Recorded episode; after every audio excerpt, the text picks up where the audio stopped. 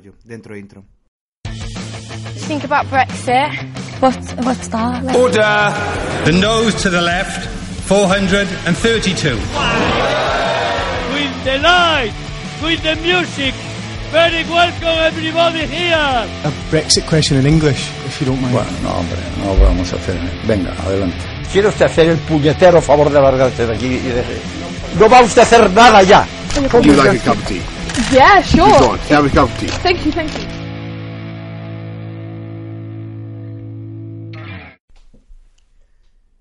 Bueno, pois hoxe, antes de comezar co, co tema principal, imos comentar unha novidade, e é que, bueno, a raíz da, dunha suxestión dun dos nosos escoitantes, imos abrir un WhatsApp eh, ao que nos poderedes mandar, bueno, pois as vosas opinións, propostas de temas que creades que, que deberíamos tratar, ameazas incluso. Sí, eh, o das ameazas eu son moi moi fan porque de, eh, demostra o éxito de calquera produto cultural cando empezas a recibir ameazas, insultos, haters. Queremos haters como como me, me, métrica do, do éxito claro. de Te con gotas. Queremos ser mainstream, entón pois mandade eso, mandade ameazas, bueno, o que queirades.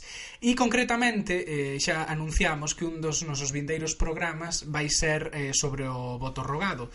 Eh, xa sabedes, bueno, hai moita polémica sobre isto, partidos como Podemos e o Partido Socialista eh, propuxeron suprimir o, o voto rogado, cando no pasado, pois isto foi unha cuestión moi controvertida, dado que sin o voto rogado votaban os mortos. Eso en Galicia sabemos sabemos ben de, de que falamos. Sabemos. Entón, pois queremos que nos mandedes as vosas opinións sobre ese tema, sobre todo a comunidade emigrada, que tedes experiencias pois con todos os trámites e os problemas que houbo a hora de que chegaran papeletas, que non se vos pagara eh, os cartos que tedes que pagar por enviar o voto. Opinións curtiñas, eh, 30 segundos, que tampouco isto aquí é micro aberto, xa 30 segundiños e xa deso montamos e... e xa vemos se si, as incorporamos sí. ou ou non, ou non.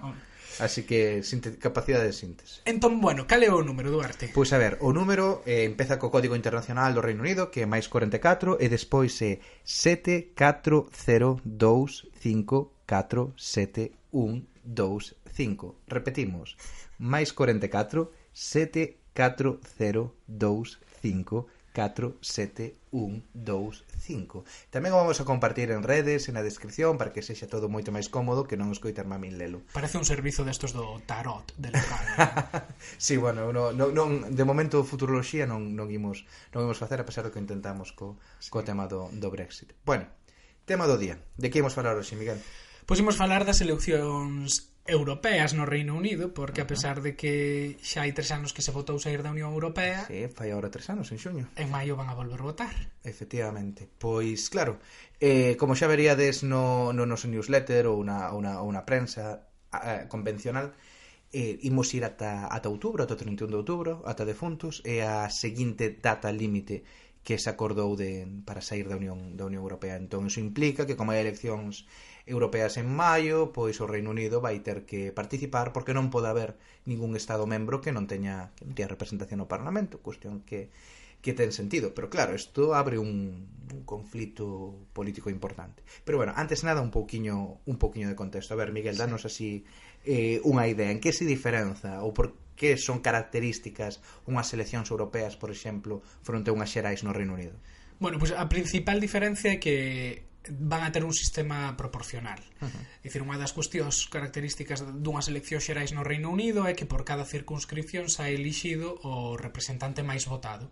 Sin embargo, no Reino Unido, eh, nas europeas, a circunscripción vai ser eh, regional, vai ser máis amplia, non vai ser Inglaterra, Escocia, Gales e Irlanda do Norte. Dentro de Inglaterra vai haber varias subdivisións, pero Gales, Escocia e Irlanda do Norte van a ter os seus propios diputados.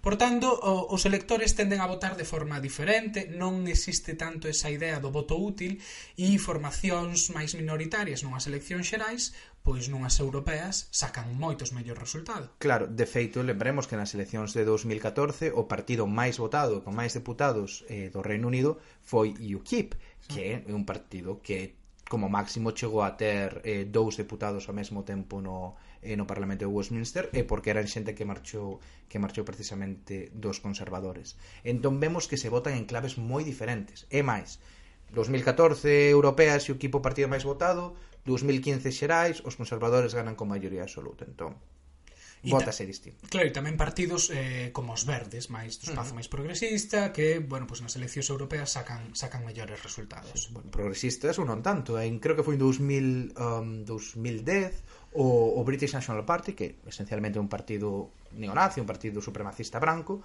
e chegou a ter, creo que dous, eh, dous eurodeputados aproveitándose tamén deste sistema proporcional que sería algo que no Parlamento de Westminster non non chegarían a, a sacar.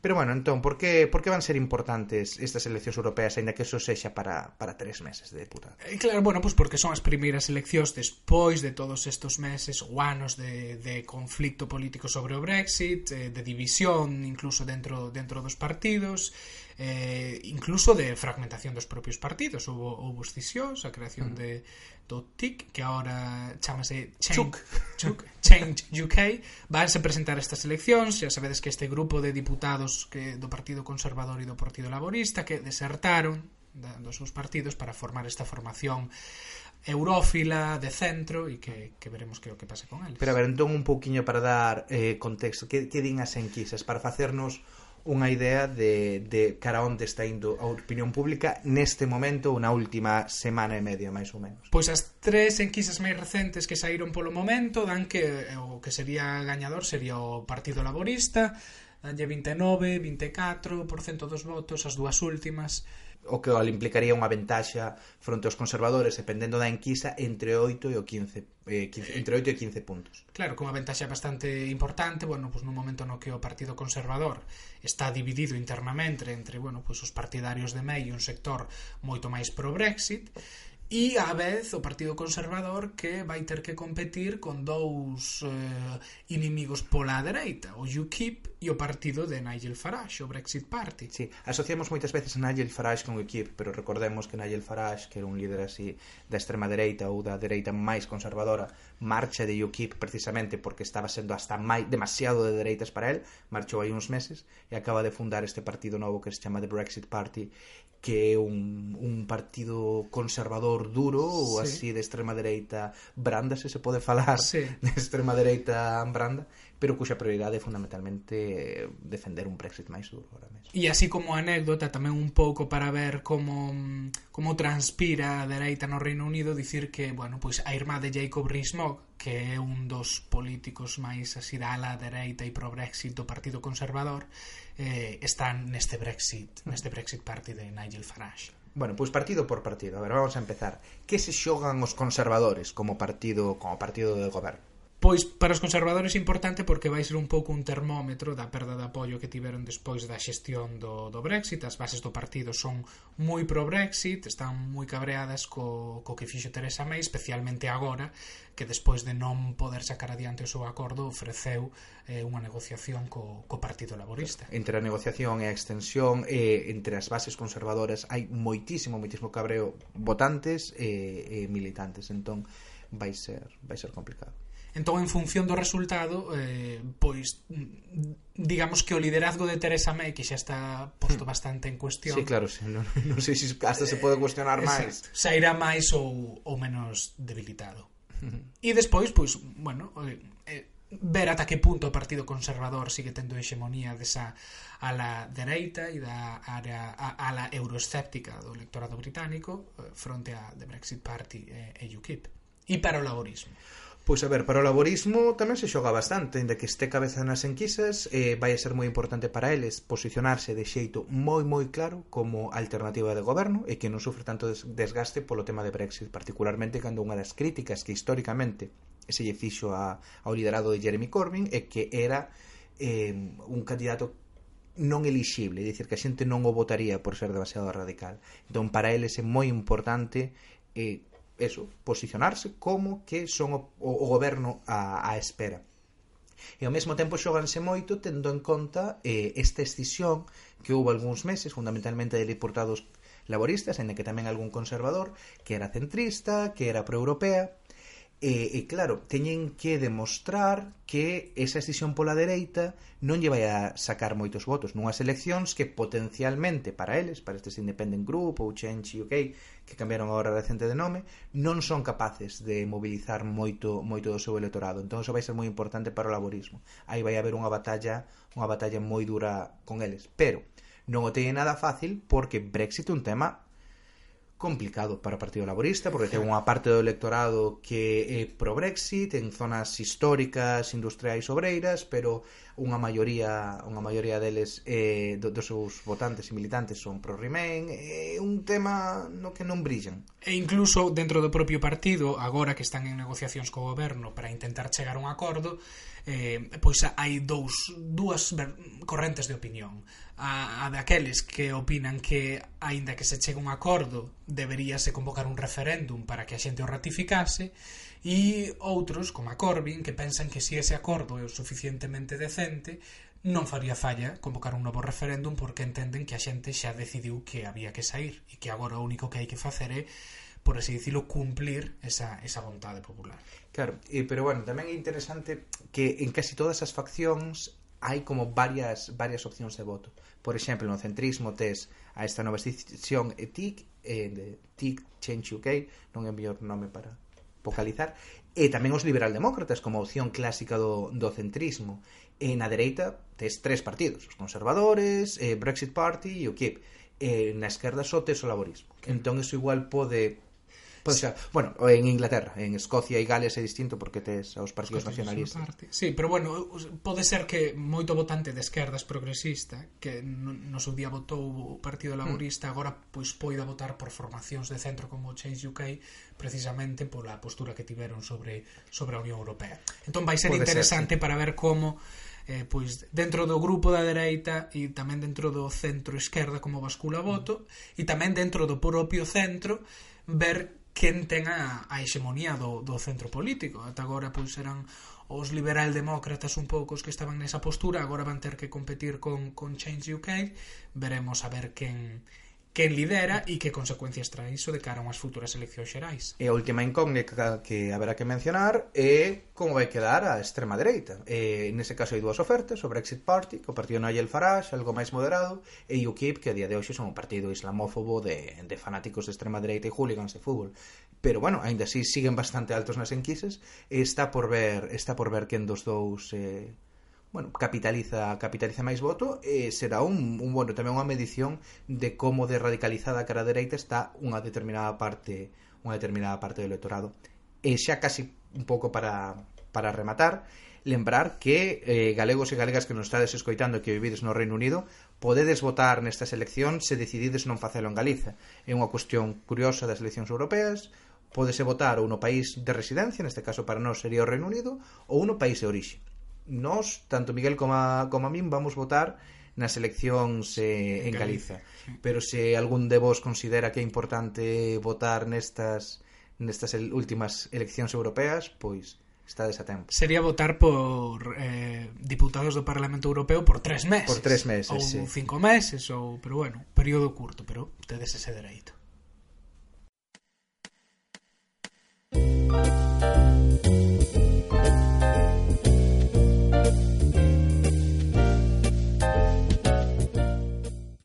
Hoxe temos connosco a un personaxe, unha persoa moi coñecida na comunidade galega, Celso Sotelo.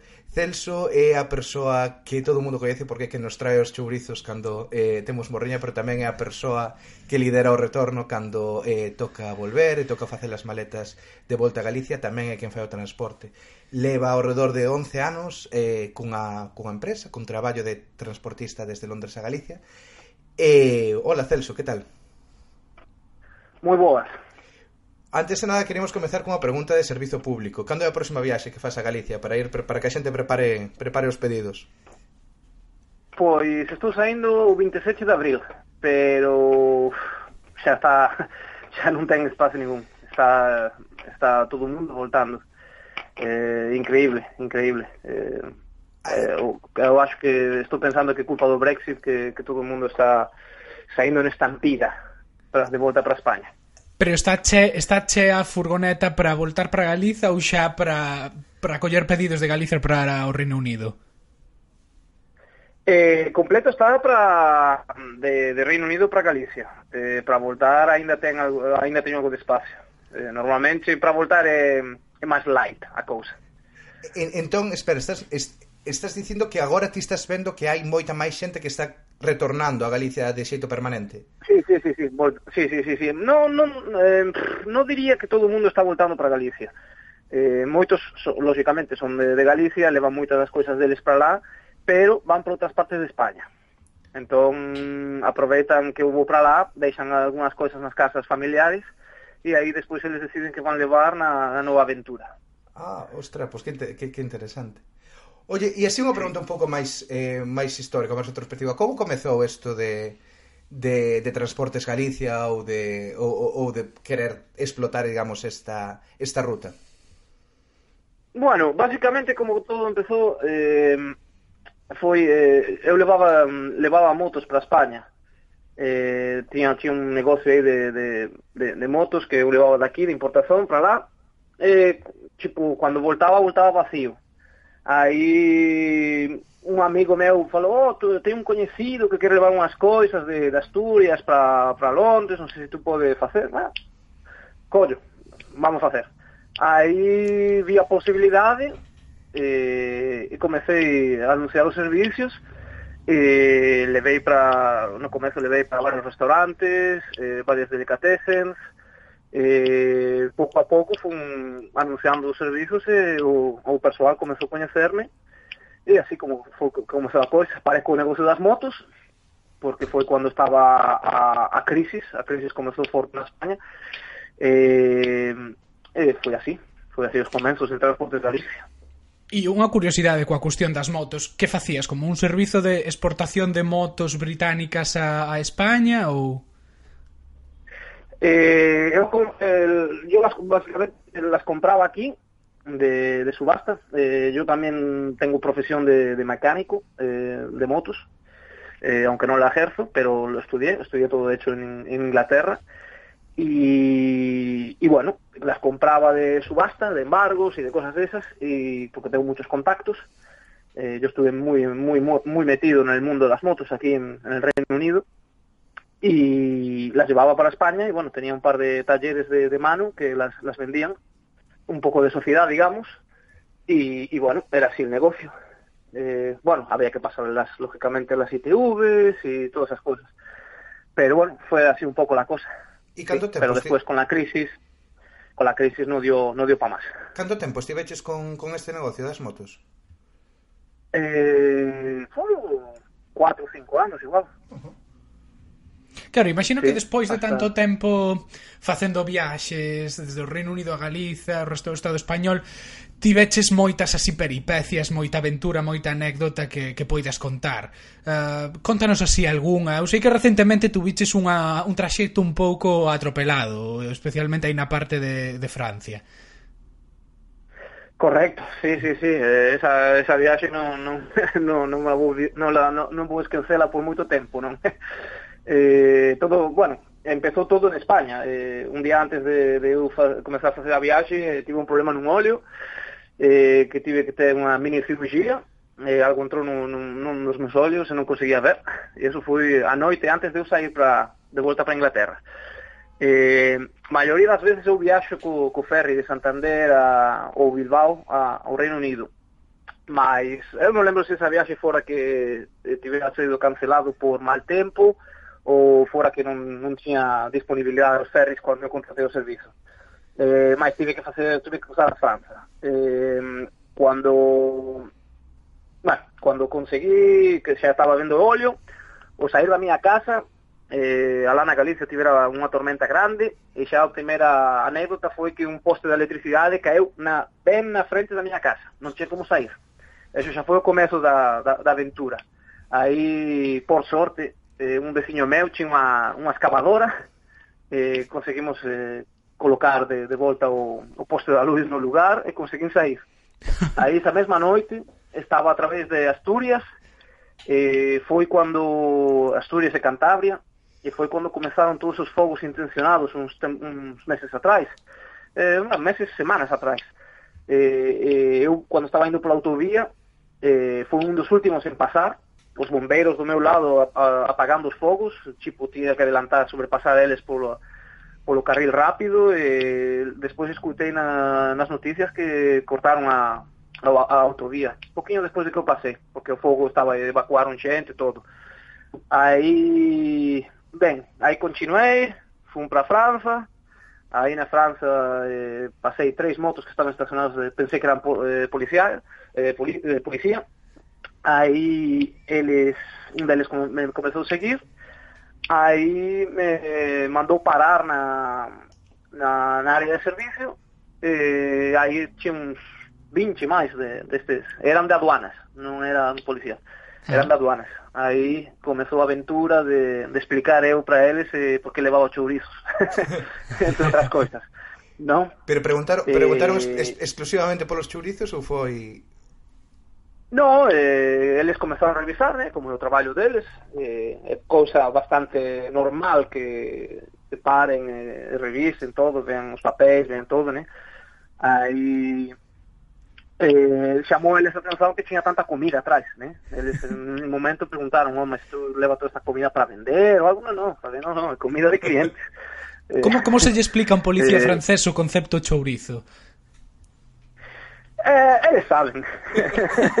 eles saben. eh, na França eles tamén gostan de comer ben.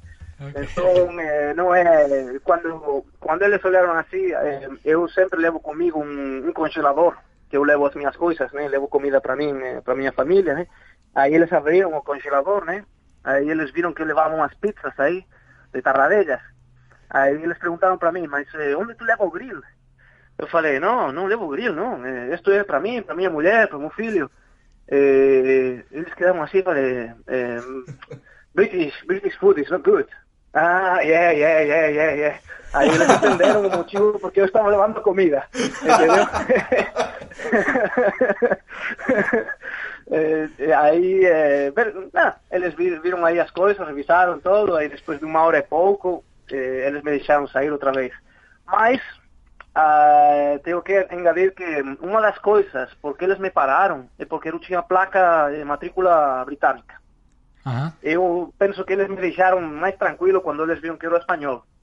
Eh, te explico por qué. Tinha um coche, mm, quando eu, che eh, quando eu cheguei ali, eh, tinha um coche británico eh, que tinham, xa estaban los interiores, los habían sacado, estaban revisando todo. né? Ujú. E eran británicos os, os eh, que iban no coche. Eles tardaron quase o, mes, o, o mesmo tempo que, que, que eu en, sa, en sair, eh, eu estaba cun furgón con moitas caixas que les revisaron todo. fiquei eles tiveron unha hora e media, máis ou menos, e eles co, ca, co coche deles tiveron máis ou menos o mesmo tempo que eu. Eles tardaron cinco minutos antes que iban a sair. Uh -huh. Aí, quando estaba saindo, outro furgón británico mandaron para... Era solamente coches e furgóns británicos. Mais nada. Eh, ata eu fiquei pensando se era cousa do Brexit ou, ou algo así, né? Eh, aí, para completar a pintura, eh, cando chego eh, no Porto, en Pan, no norte de, da França, eh, fun no, na gasoliñeira, aí ollo nos espellos que tinha dois africanos eh, atrás do meu furgón, eh, quando estaba quando estaba repostando, Aí, quando fui sair da, da gasoliñeira, eh, estes dos rapaces tentaron subir no, no furgón quando estaba andando, na parte de atrás. Eh, eu teño como unha especie de, de escalón para subir atrás no furgón, un escalón de, de ferro. Aí eu penso que eles tentaron subir aí e a tentar abrir a porta. O único que eu levo uns, uns candados de, de seguridade moito moito bons, imposible de, de abrir. Aí, quando eu vi eles no espelho, comecei a andar um pouco mais ligeiro. Aí não sei o que aconteceu com eles, mas eh, é, isso foi o, o final de, dessa viagem. Eh, unha viaxe para lembrar por por un tempinho. Pois sí, a verdade é unha, unha historia pois moi complicada, a verdade. E que foi así o máis raro Sí. que o máis raro que tiveches que transportar? Si é que hai algo así que subeses que era Xa sei que non sabes exactamente o que van nas caixas, pero que alguén che dixese, bueno, pois pues necesito transportar isto ou esta outra, que foi así o máis extraño que tiveches que mover? Uf, esa sí que es una buena pregunta. Nunca, nunca me lo planteé. Eh, probablemente alguna máquina o sí o algo así, algo medio raro, pero no, no me acuerdo. A lo mejor arte, eh, no, sinceramente no, no me doy cuenta. Sí, sí, sí, probablemente que si lo pienso en un rato me voy a acordar, pero ahora no... Bueno, pois pues, se te No, acordas no si de repente no, no resto da entrevista, pois xa nos di, as, o máis raro foi... Sí, foi sí, sí. E bueno, tú, supuesto. ti aquí entendo que traballas eh, como autónomo, non? Como que virías sendo autónomo no, no Estado español. Correcto. Co, sí. Como, que, que diferenza ves entre ambos países? Un pouco, bueno, un tema que se fala moito, moitísima xente traballa de autónomo, sempre se fala das trabas que hai en Galiza e no resto do Estado español cos autónomos. Eh, como é a situación aquí no Reino Unido? Que diferenzas hai? Que melloras ves ti aquí? Melloras probablemente todas. eh, a, a, a, a diferenza de traballar... Eh, no Reino Unido ou en España como autónomo é, é grande, moito, a diferenza é moito grande. Eh, por exemplo, por que non pagas autónomos? Que en España sí. Eh, Eh, despois eh, en España tú, ten, tú, tes, eh, Espera, así, tú, pa, tienes que pagar para, eh, para clarificar un momentiño aquí non, ti non pagas ningún tipo de, de cota eh, como, como autónomo ou como autoempregado No, no, no, no, no, no tienes que. Aquí básicamente es muy simple cómo funciona. Tú tienes que eh, tener, bueno, como todo autónomo, guardar tus facturas, guardar todo, tus gastos, tus beneficios, todo, tener eso. A mí me lo lleva el contable. Eh, y cuando llega el año fiscal en abril, eh, nada, tú tienes una, tienes hasta enero del año siguiente para presentar toda la documentación y pagar. Que yo no sé si esa flexibilidad, esa flexibilidad la hay en, en España. No lo sé. Eh, pero aquí es eso. Tú, por ejemplo, ahora terminó el año fiscal este 5 de abril o 6 de abril. Eh, entonces, eh, eso es del periodo hasta el 2019, 2018-2019. Entonces tú tienes hasta enero, el 31 de enero del 2020 para solucionar todo tu papeleo y pagar lo que se, lo que debes, si debes. Eh, entonces, bas- básicamente, lo que tú pagas es en función, es en función de, de tus ingresos. Claro. Eh, más nada. Eh, antes tú tenías, unos años atrás, tú tenías que pagar un porcentaje eh, por tu National Insurance. Como entonces, bueno, tú tenías que pagar. Sí, básicamente, pero ahora ya lo pagas todo junto. Ahora ya, antes eso era como mensual, pero ahora ya lo pagas todo junto. Ahora ya lo cambiaron y bueno, tú en el momento que tengas que declarar tu, tu año fiscal, pues lo que te corresponda, pues tienes que añadirle al, al cálculo que ellos sacan, ¿no? En función de tu, de tu salario. Mucho no sé, porque eso ya te digo, lo hace todo mi contable. mi contable. Claro. No, claro. Pero, eu, eu, mira... pero bueno, más o menos así por encima lo coñes. Claro. No, eh, totalmente de acordo, efecto, eh, a min chamo mate...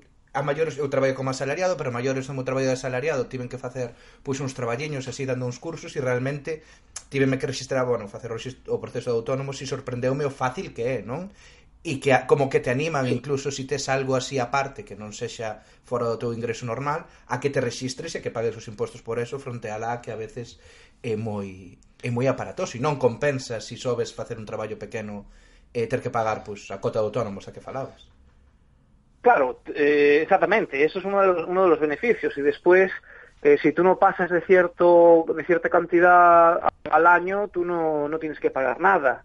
Eh, o sea, Sí. tienes unas, unas- unos beneficios bastante buenos. Entonces, yo, a mi forma de verlo, yo creo que para el emprendedor este país es muy bueno. De hecho, por eso que tienen tantos emprendedores, porque tienes un montón de ventajas eh, al, al comienzo, que te ayuda el gobierno. A ver, yo nunca tuve necesidad de nada de eso, pero sé que de leer por ahí, sé que hay casos de que, bueno, que tú presentas un proyecto y muchas veces el gobierno te ayuda, te financia parte de, de ese proyecto para tú emprender. Eh, y te ayudan, bueno, tienen muchas facilidades. Tú, por ejemplo, que tengas un año que eh, tengas problemas pues para hacer frente a, a lo que debes a, a Inland Revenue, o sea, a la oficina fiscal, eh, bueno, se lo planteas, les explicas el problema que tú tengas y pienso que no deberías tener ningún problema. Yo, por lo que escuché, eh, tienen muchas facilidades, cosa que en España te embargan todo lo que tengas. o sea, sin, sin vueltas prácticamente. Eh, esa es la gran diferencia. Después, otra cosa, con el tema de las motos, por ejemplo, que eh, hablando de los emprendedores, eh, en España yo veo que no te dejan, por ejemplo, eh, si tú quieres, si te gusta el tema de mecánica, los, los coches, las motos, etcétera, y tú quieres iniciar un proyecto, pues quieres hacer un coche, vale, cogiste varios coches, varias piezas del desguace, tú creaste un coche, tú creaste un chasis, una carrocería, un motor, etcétera, y tú uniste todo. Aquí eso te lo permiten hacer, en España te ponen tantas trabas que nunca vas a salir adelante, Mm. porque es, no sale, no es, eh, como puedo decir, me sale en inglés la palabra, eh, cost effective, pero no, no, ¿cómo? Eficiente. Bueno. Sí, bueno, ahora mismo co- tampoco se me ocurre. Eficiente a nivel de coste, sí. Exactamente, que no te sale rentable, no te sale rentable eh, presentar un proyecto para poder pues crear esa marca de coche, ¿no? Cuando aquí en el Reino Unido te ayudan muchísimo, eh, no te ponen tantas trabas. Eso es una de las grandes diferencias que yo veo en España en muchísimas cosas, ¿no? Eh, en el tema de emprendedores, que te, aquí te lo facilitan mucho, en España no hacen más que ponerte peros y peros y peros y peros. Uh -huh. eh... Bueno, e agora, agora co, co tema do Brexit do que todo o mundo fala, falase moito da cuestión pois da do comercio co continente, unións aduaneiras, pero claro, no teu caso, que te dedicas ao transporte, imagino que todo iso che afectará moi directamente. Como como estás vivindo ti? Bueno, por el momento, por el momento es simplemente los problemas con, con aduanas que realmente están tocando un poco más las narices, hablando claro eh, de cómo era anteriormente. Eh, sigue- están revisando más las cosas, están, bueno, haciendo ese tipo de cosas. Pero el tema de transportes, por el momento, no afecta en absoluto, eh, porque al final de cuentas nadie sabe lo que va a suceder. Entonces, y yo estoy viendo en estos momentos que, a ver, eh, si hay un Brexit va a ser un Brexit suave. Eh, ya, de hecho, fue, fue aprobado otro día no, no Parlamento Británico que non que, se, va se, va, se o Brexit va para, va para adelante va a ser suave, se va a tener un deal, un tratado. Eh, entonces va a haber va a haber eh, van a continuar eh, haciendo negocios con, con Europa y todo. Eh, con el Brexit se demostraron que son un poco burros, pero no son tan burros como parecen. Eh, yo creo que son un poco más inteligentes y sí creo que se están dando cuenta del error que cometieron. Eh, en el tema de transporte, por el momento, es muy difícil de decir. Eh, lo único que eso sí, si fuera un Brexit duro, eh, sí, ahí va, ahí va a haber muchas complicaciones. La- las cajas de comida que vienen de Galicia va a ser más complicado pasarlas. Va a tener que venir todo detallado, con facturas, va, va a ser la cosa más complicada. Claro. E máis caro, probablemente. Sí, porque como cuando uno compra algo por, pues yo qué sé, eBay en Estados Unidos, eh, pues te llega con una factura adicional de gastos de importación, Claro. eh, pues va a ser algo parecido. Lo que pasa, claro, hasta que ellos no se pongan de acuerdo con todo el jaleo que han montado, pues tampoco, tampoco lo sabemos nosotros, porque nada, está todo en el aire. Un día escuchas una cosa, un día escuchas lo otro. Por ejemplo, transportar animales, que yo no, no transporto, porque una cosa está bien clara, si uno transporta animales, no puedes transportar mercancía. Vale, Eh, tú para ese tipo de trabajo tienes que tener un, un vehículo acondicionado, tienes que ir con unas jaulas especiales, tienes que ir con un sistema de ventilación, etcétera, etcétera. Eh, pero yo transporto al mío, a mi, a mi perro. Cuando yo voy a Galicia, por ejemplo, en agosto, que voy por unas, unas cuantas semanas, lo, su- lo suelo llevar conmigo. Y, nos, y recibí hace poco un correo diciendo, bueno, todos los problemas que podía causar si no había un, un deal, un, bueno, un acuerdo con la Unión Europea, pero eso sigue todo en el aire, hasta que no se salga en el 31 de octubre, no se va a saber nada. Entonces, bueno, son, son todas suposiciones. Claro. El gobierno está intentando preparar un Brexit duro.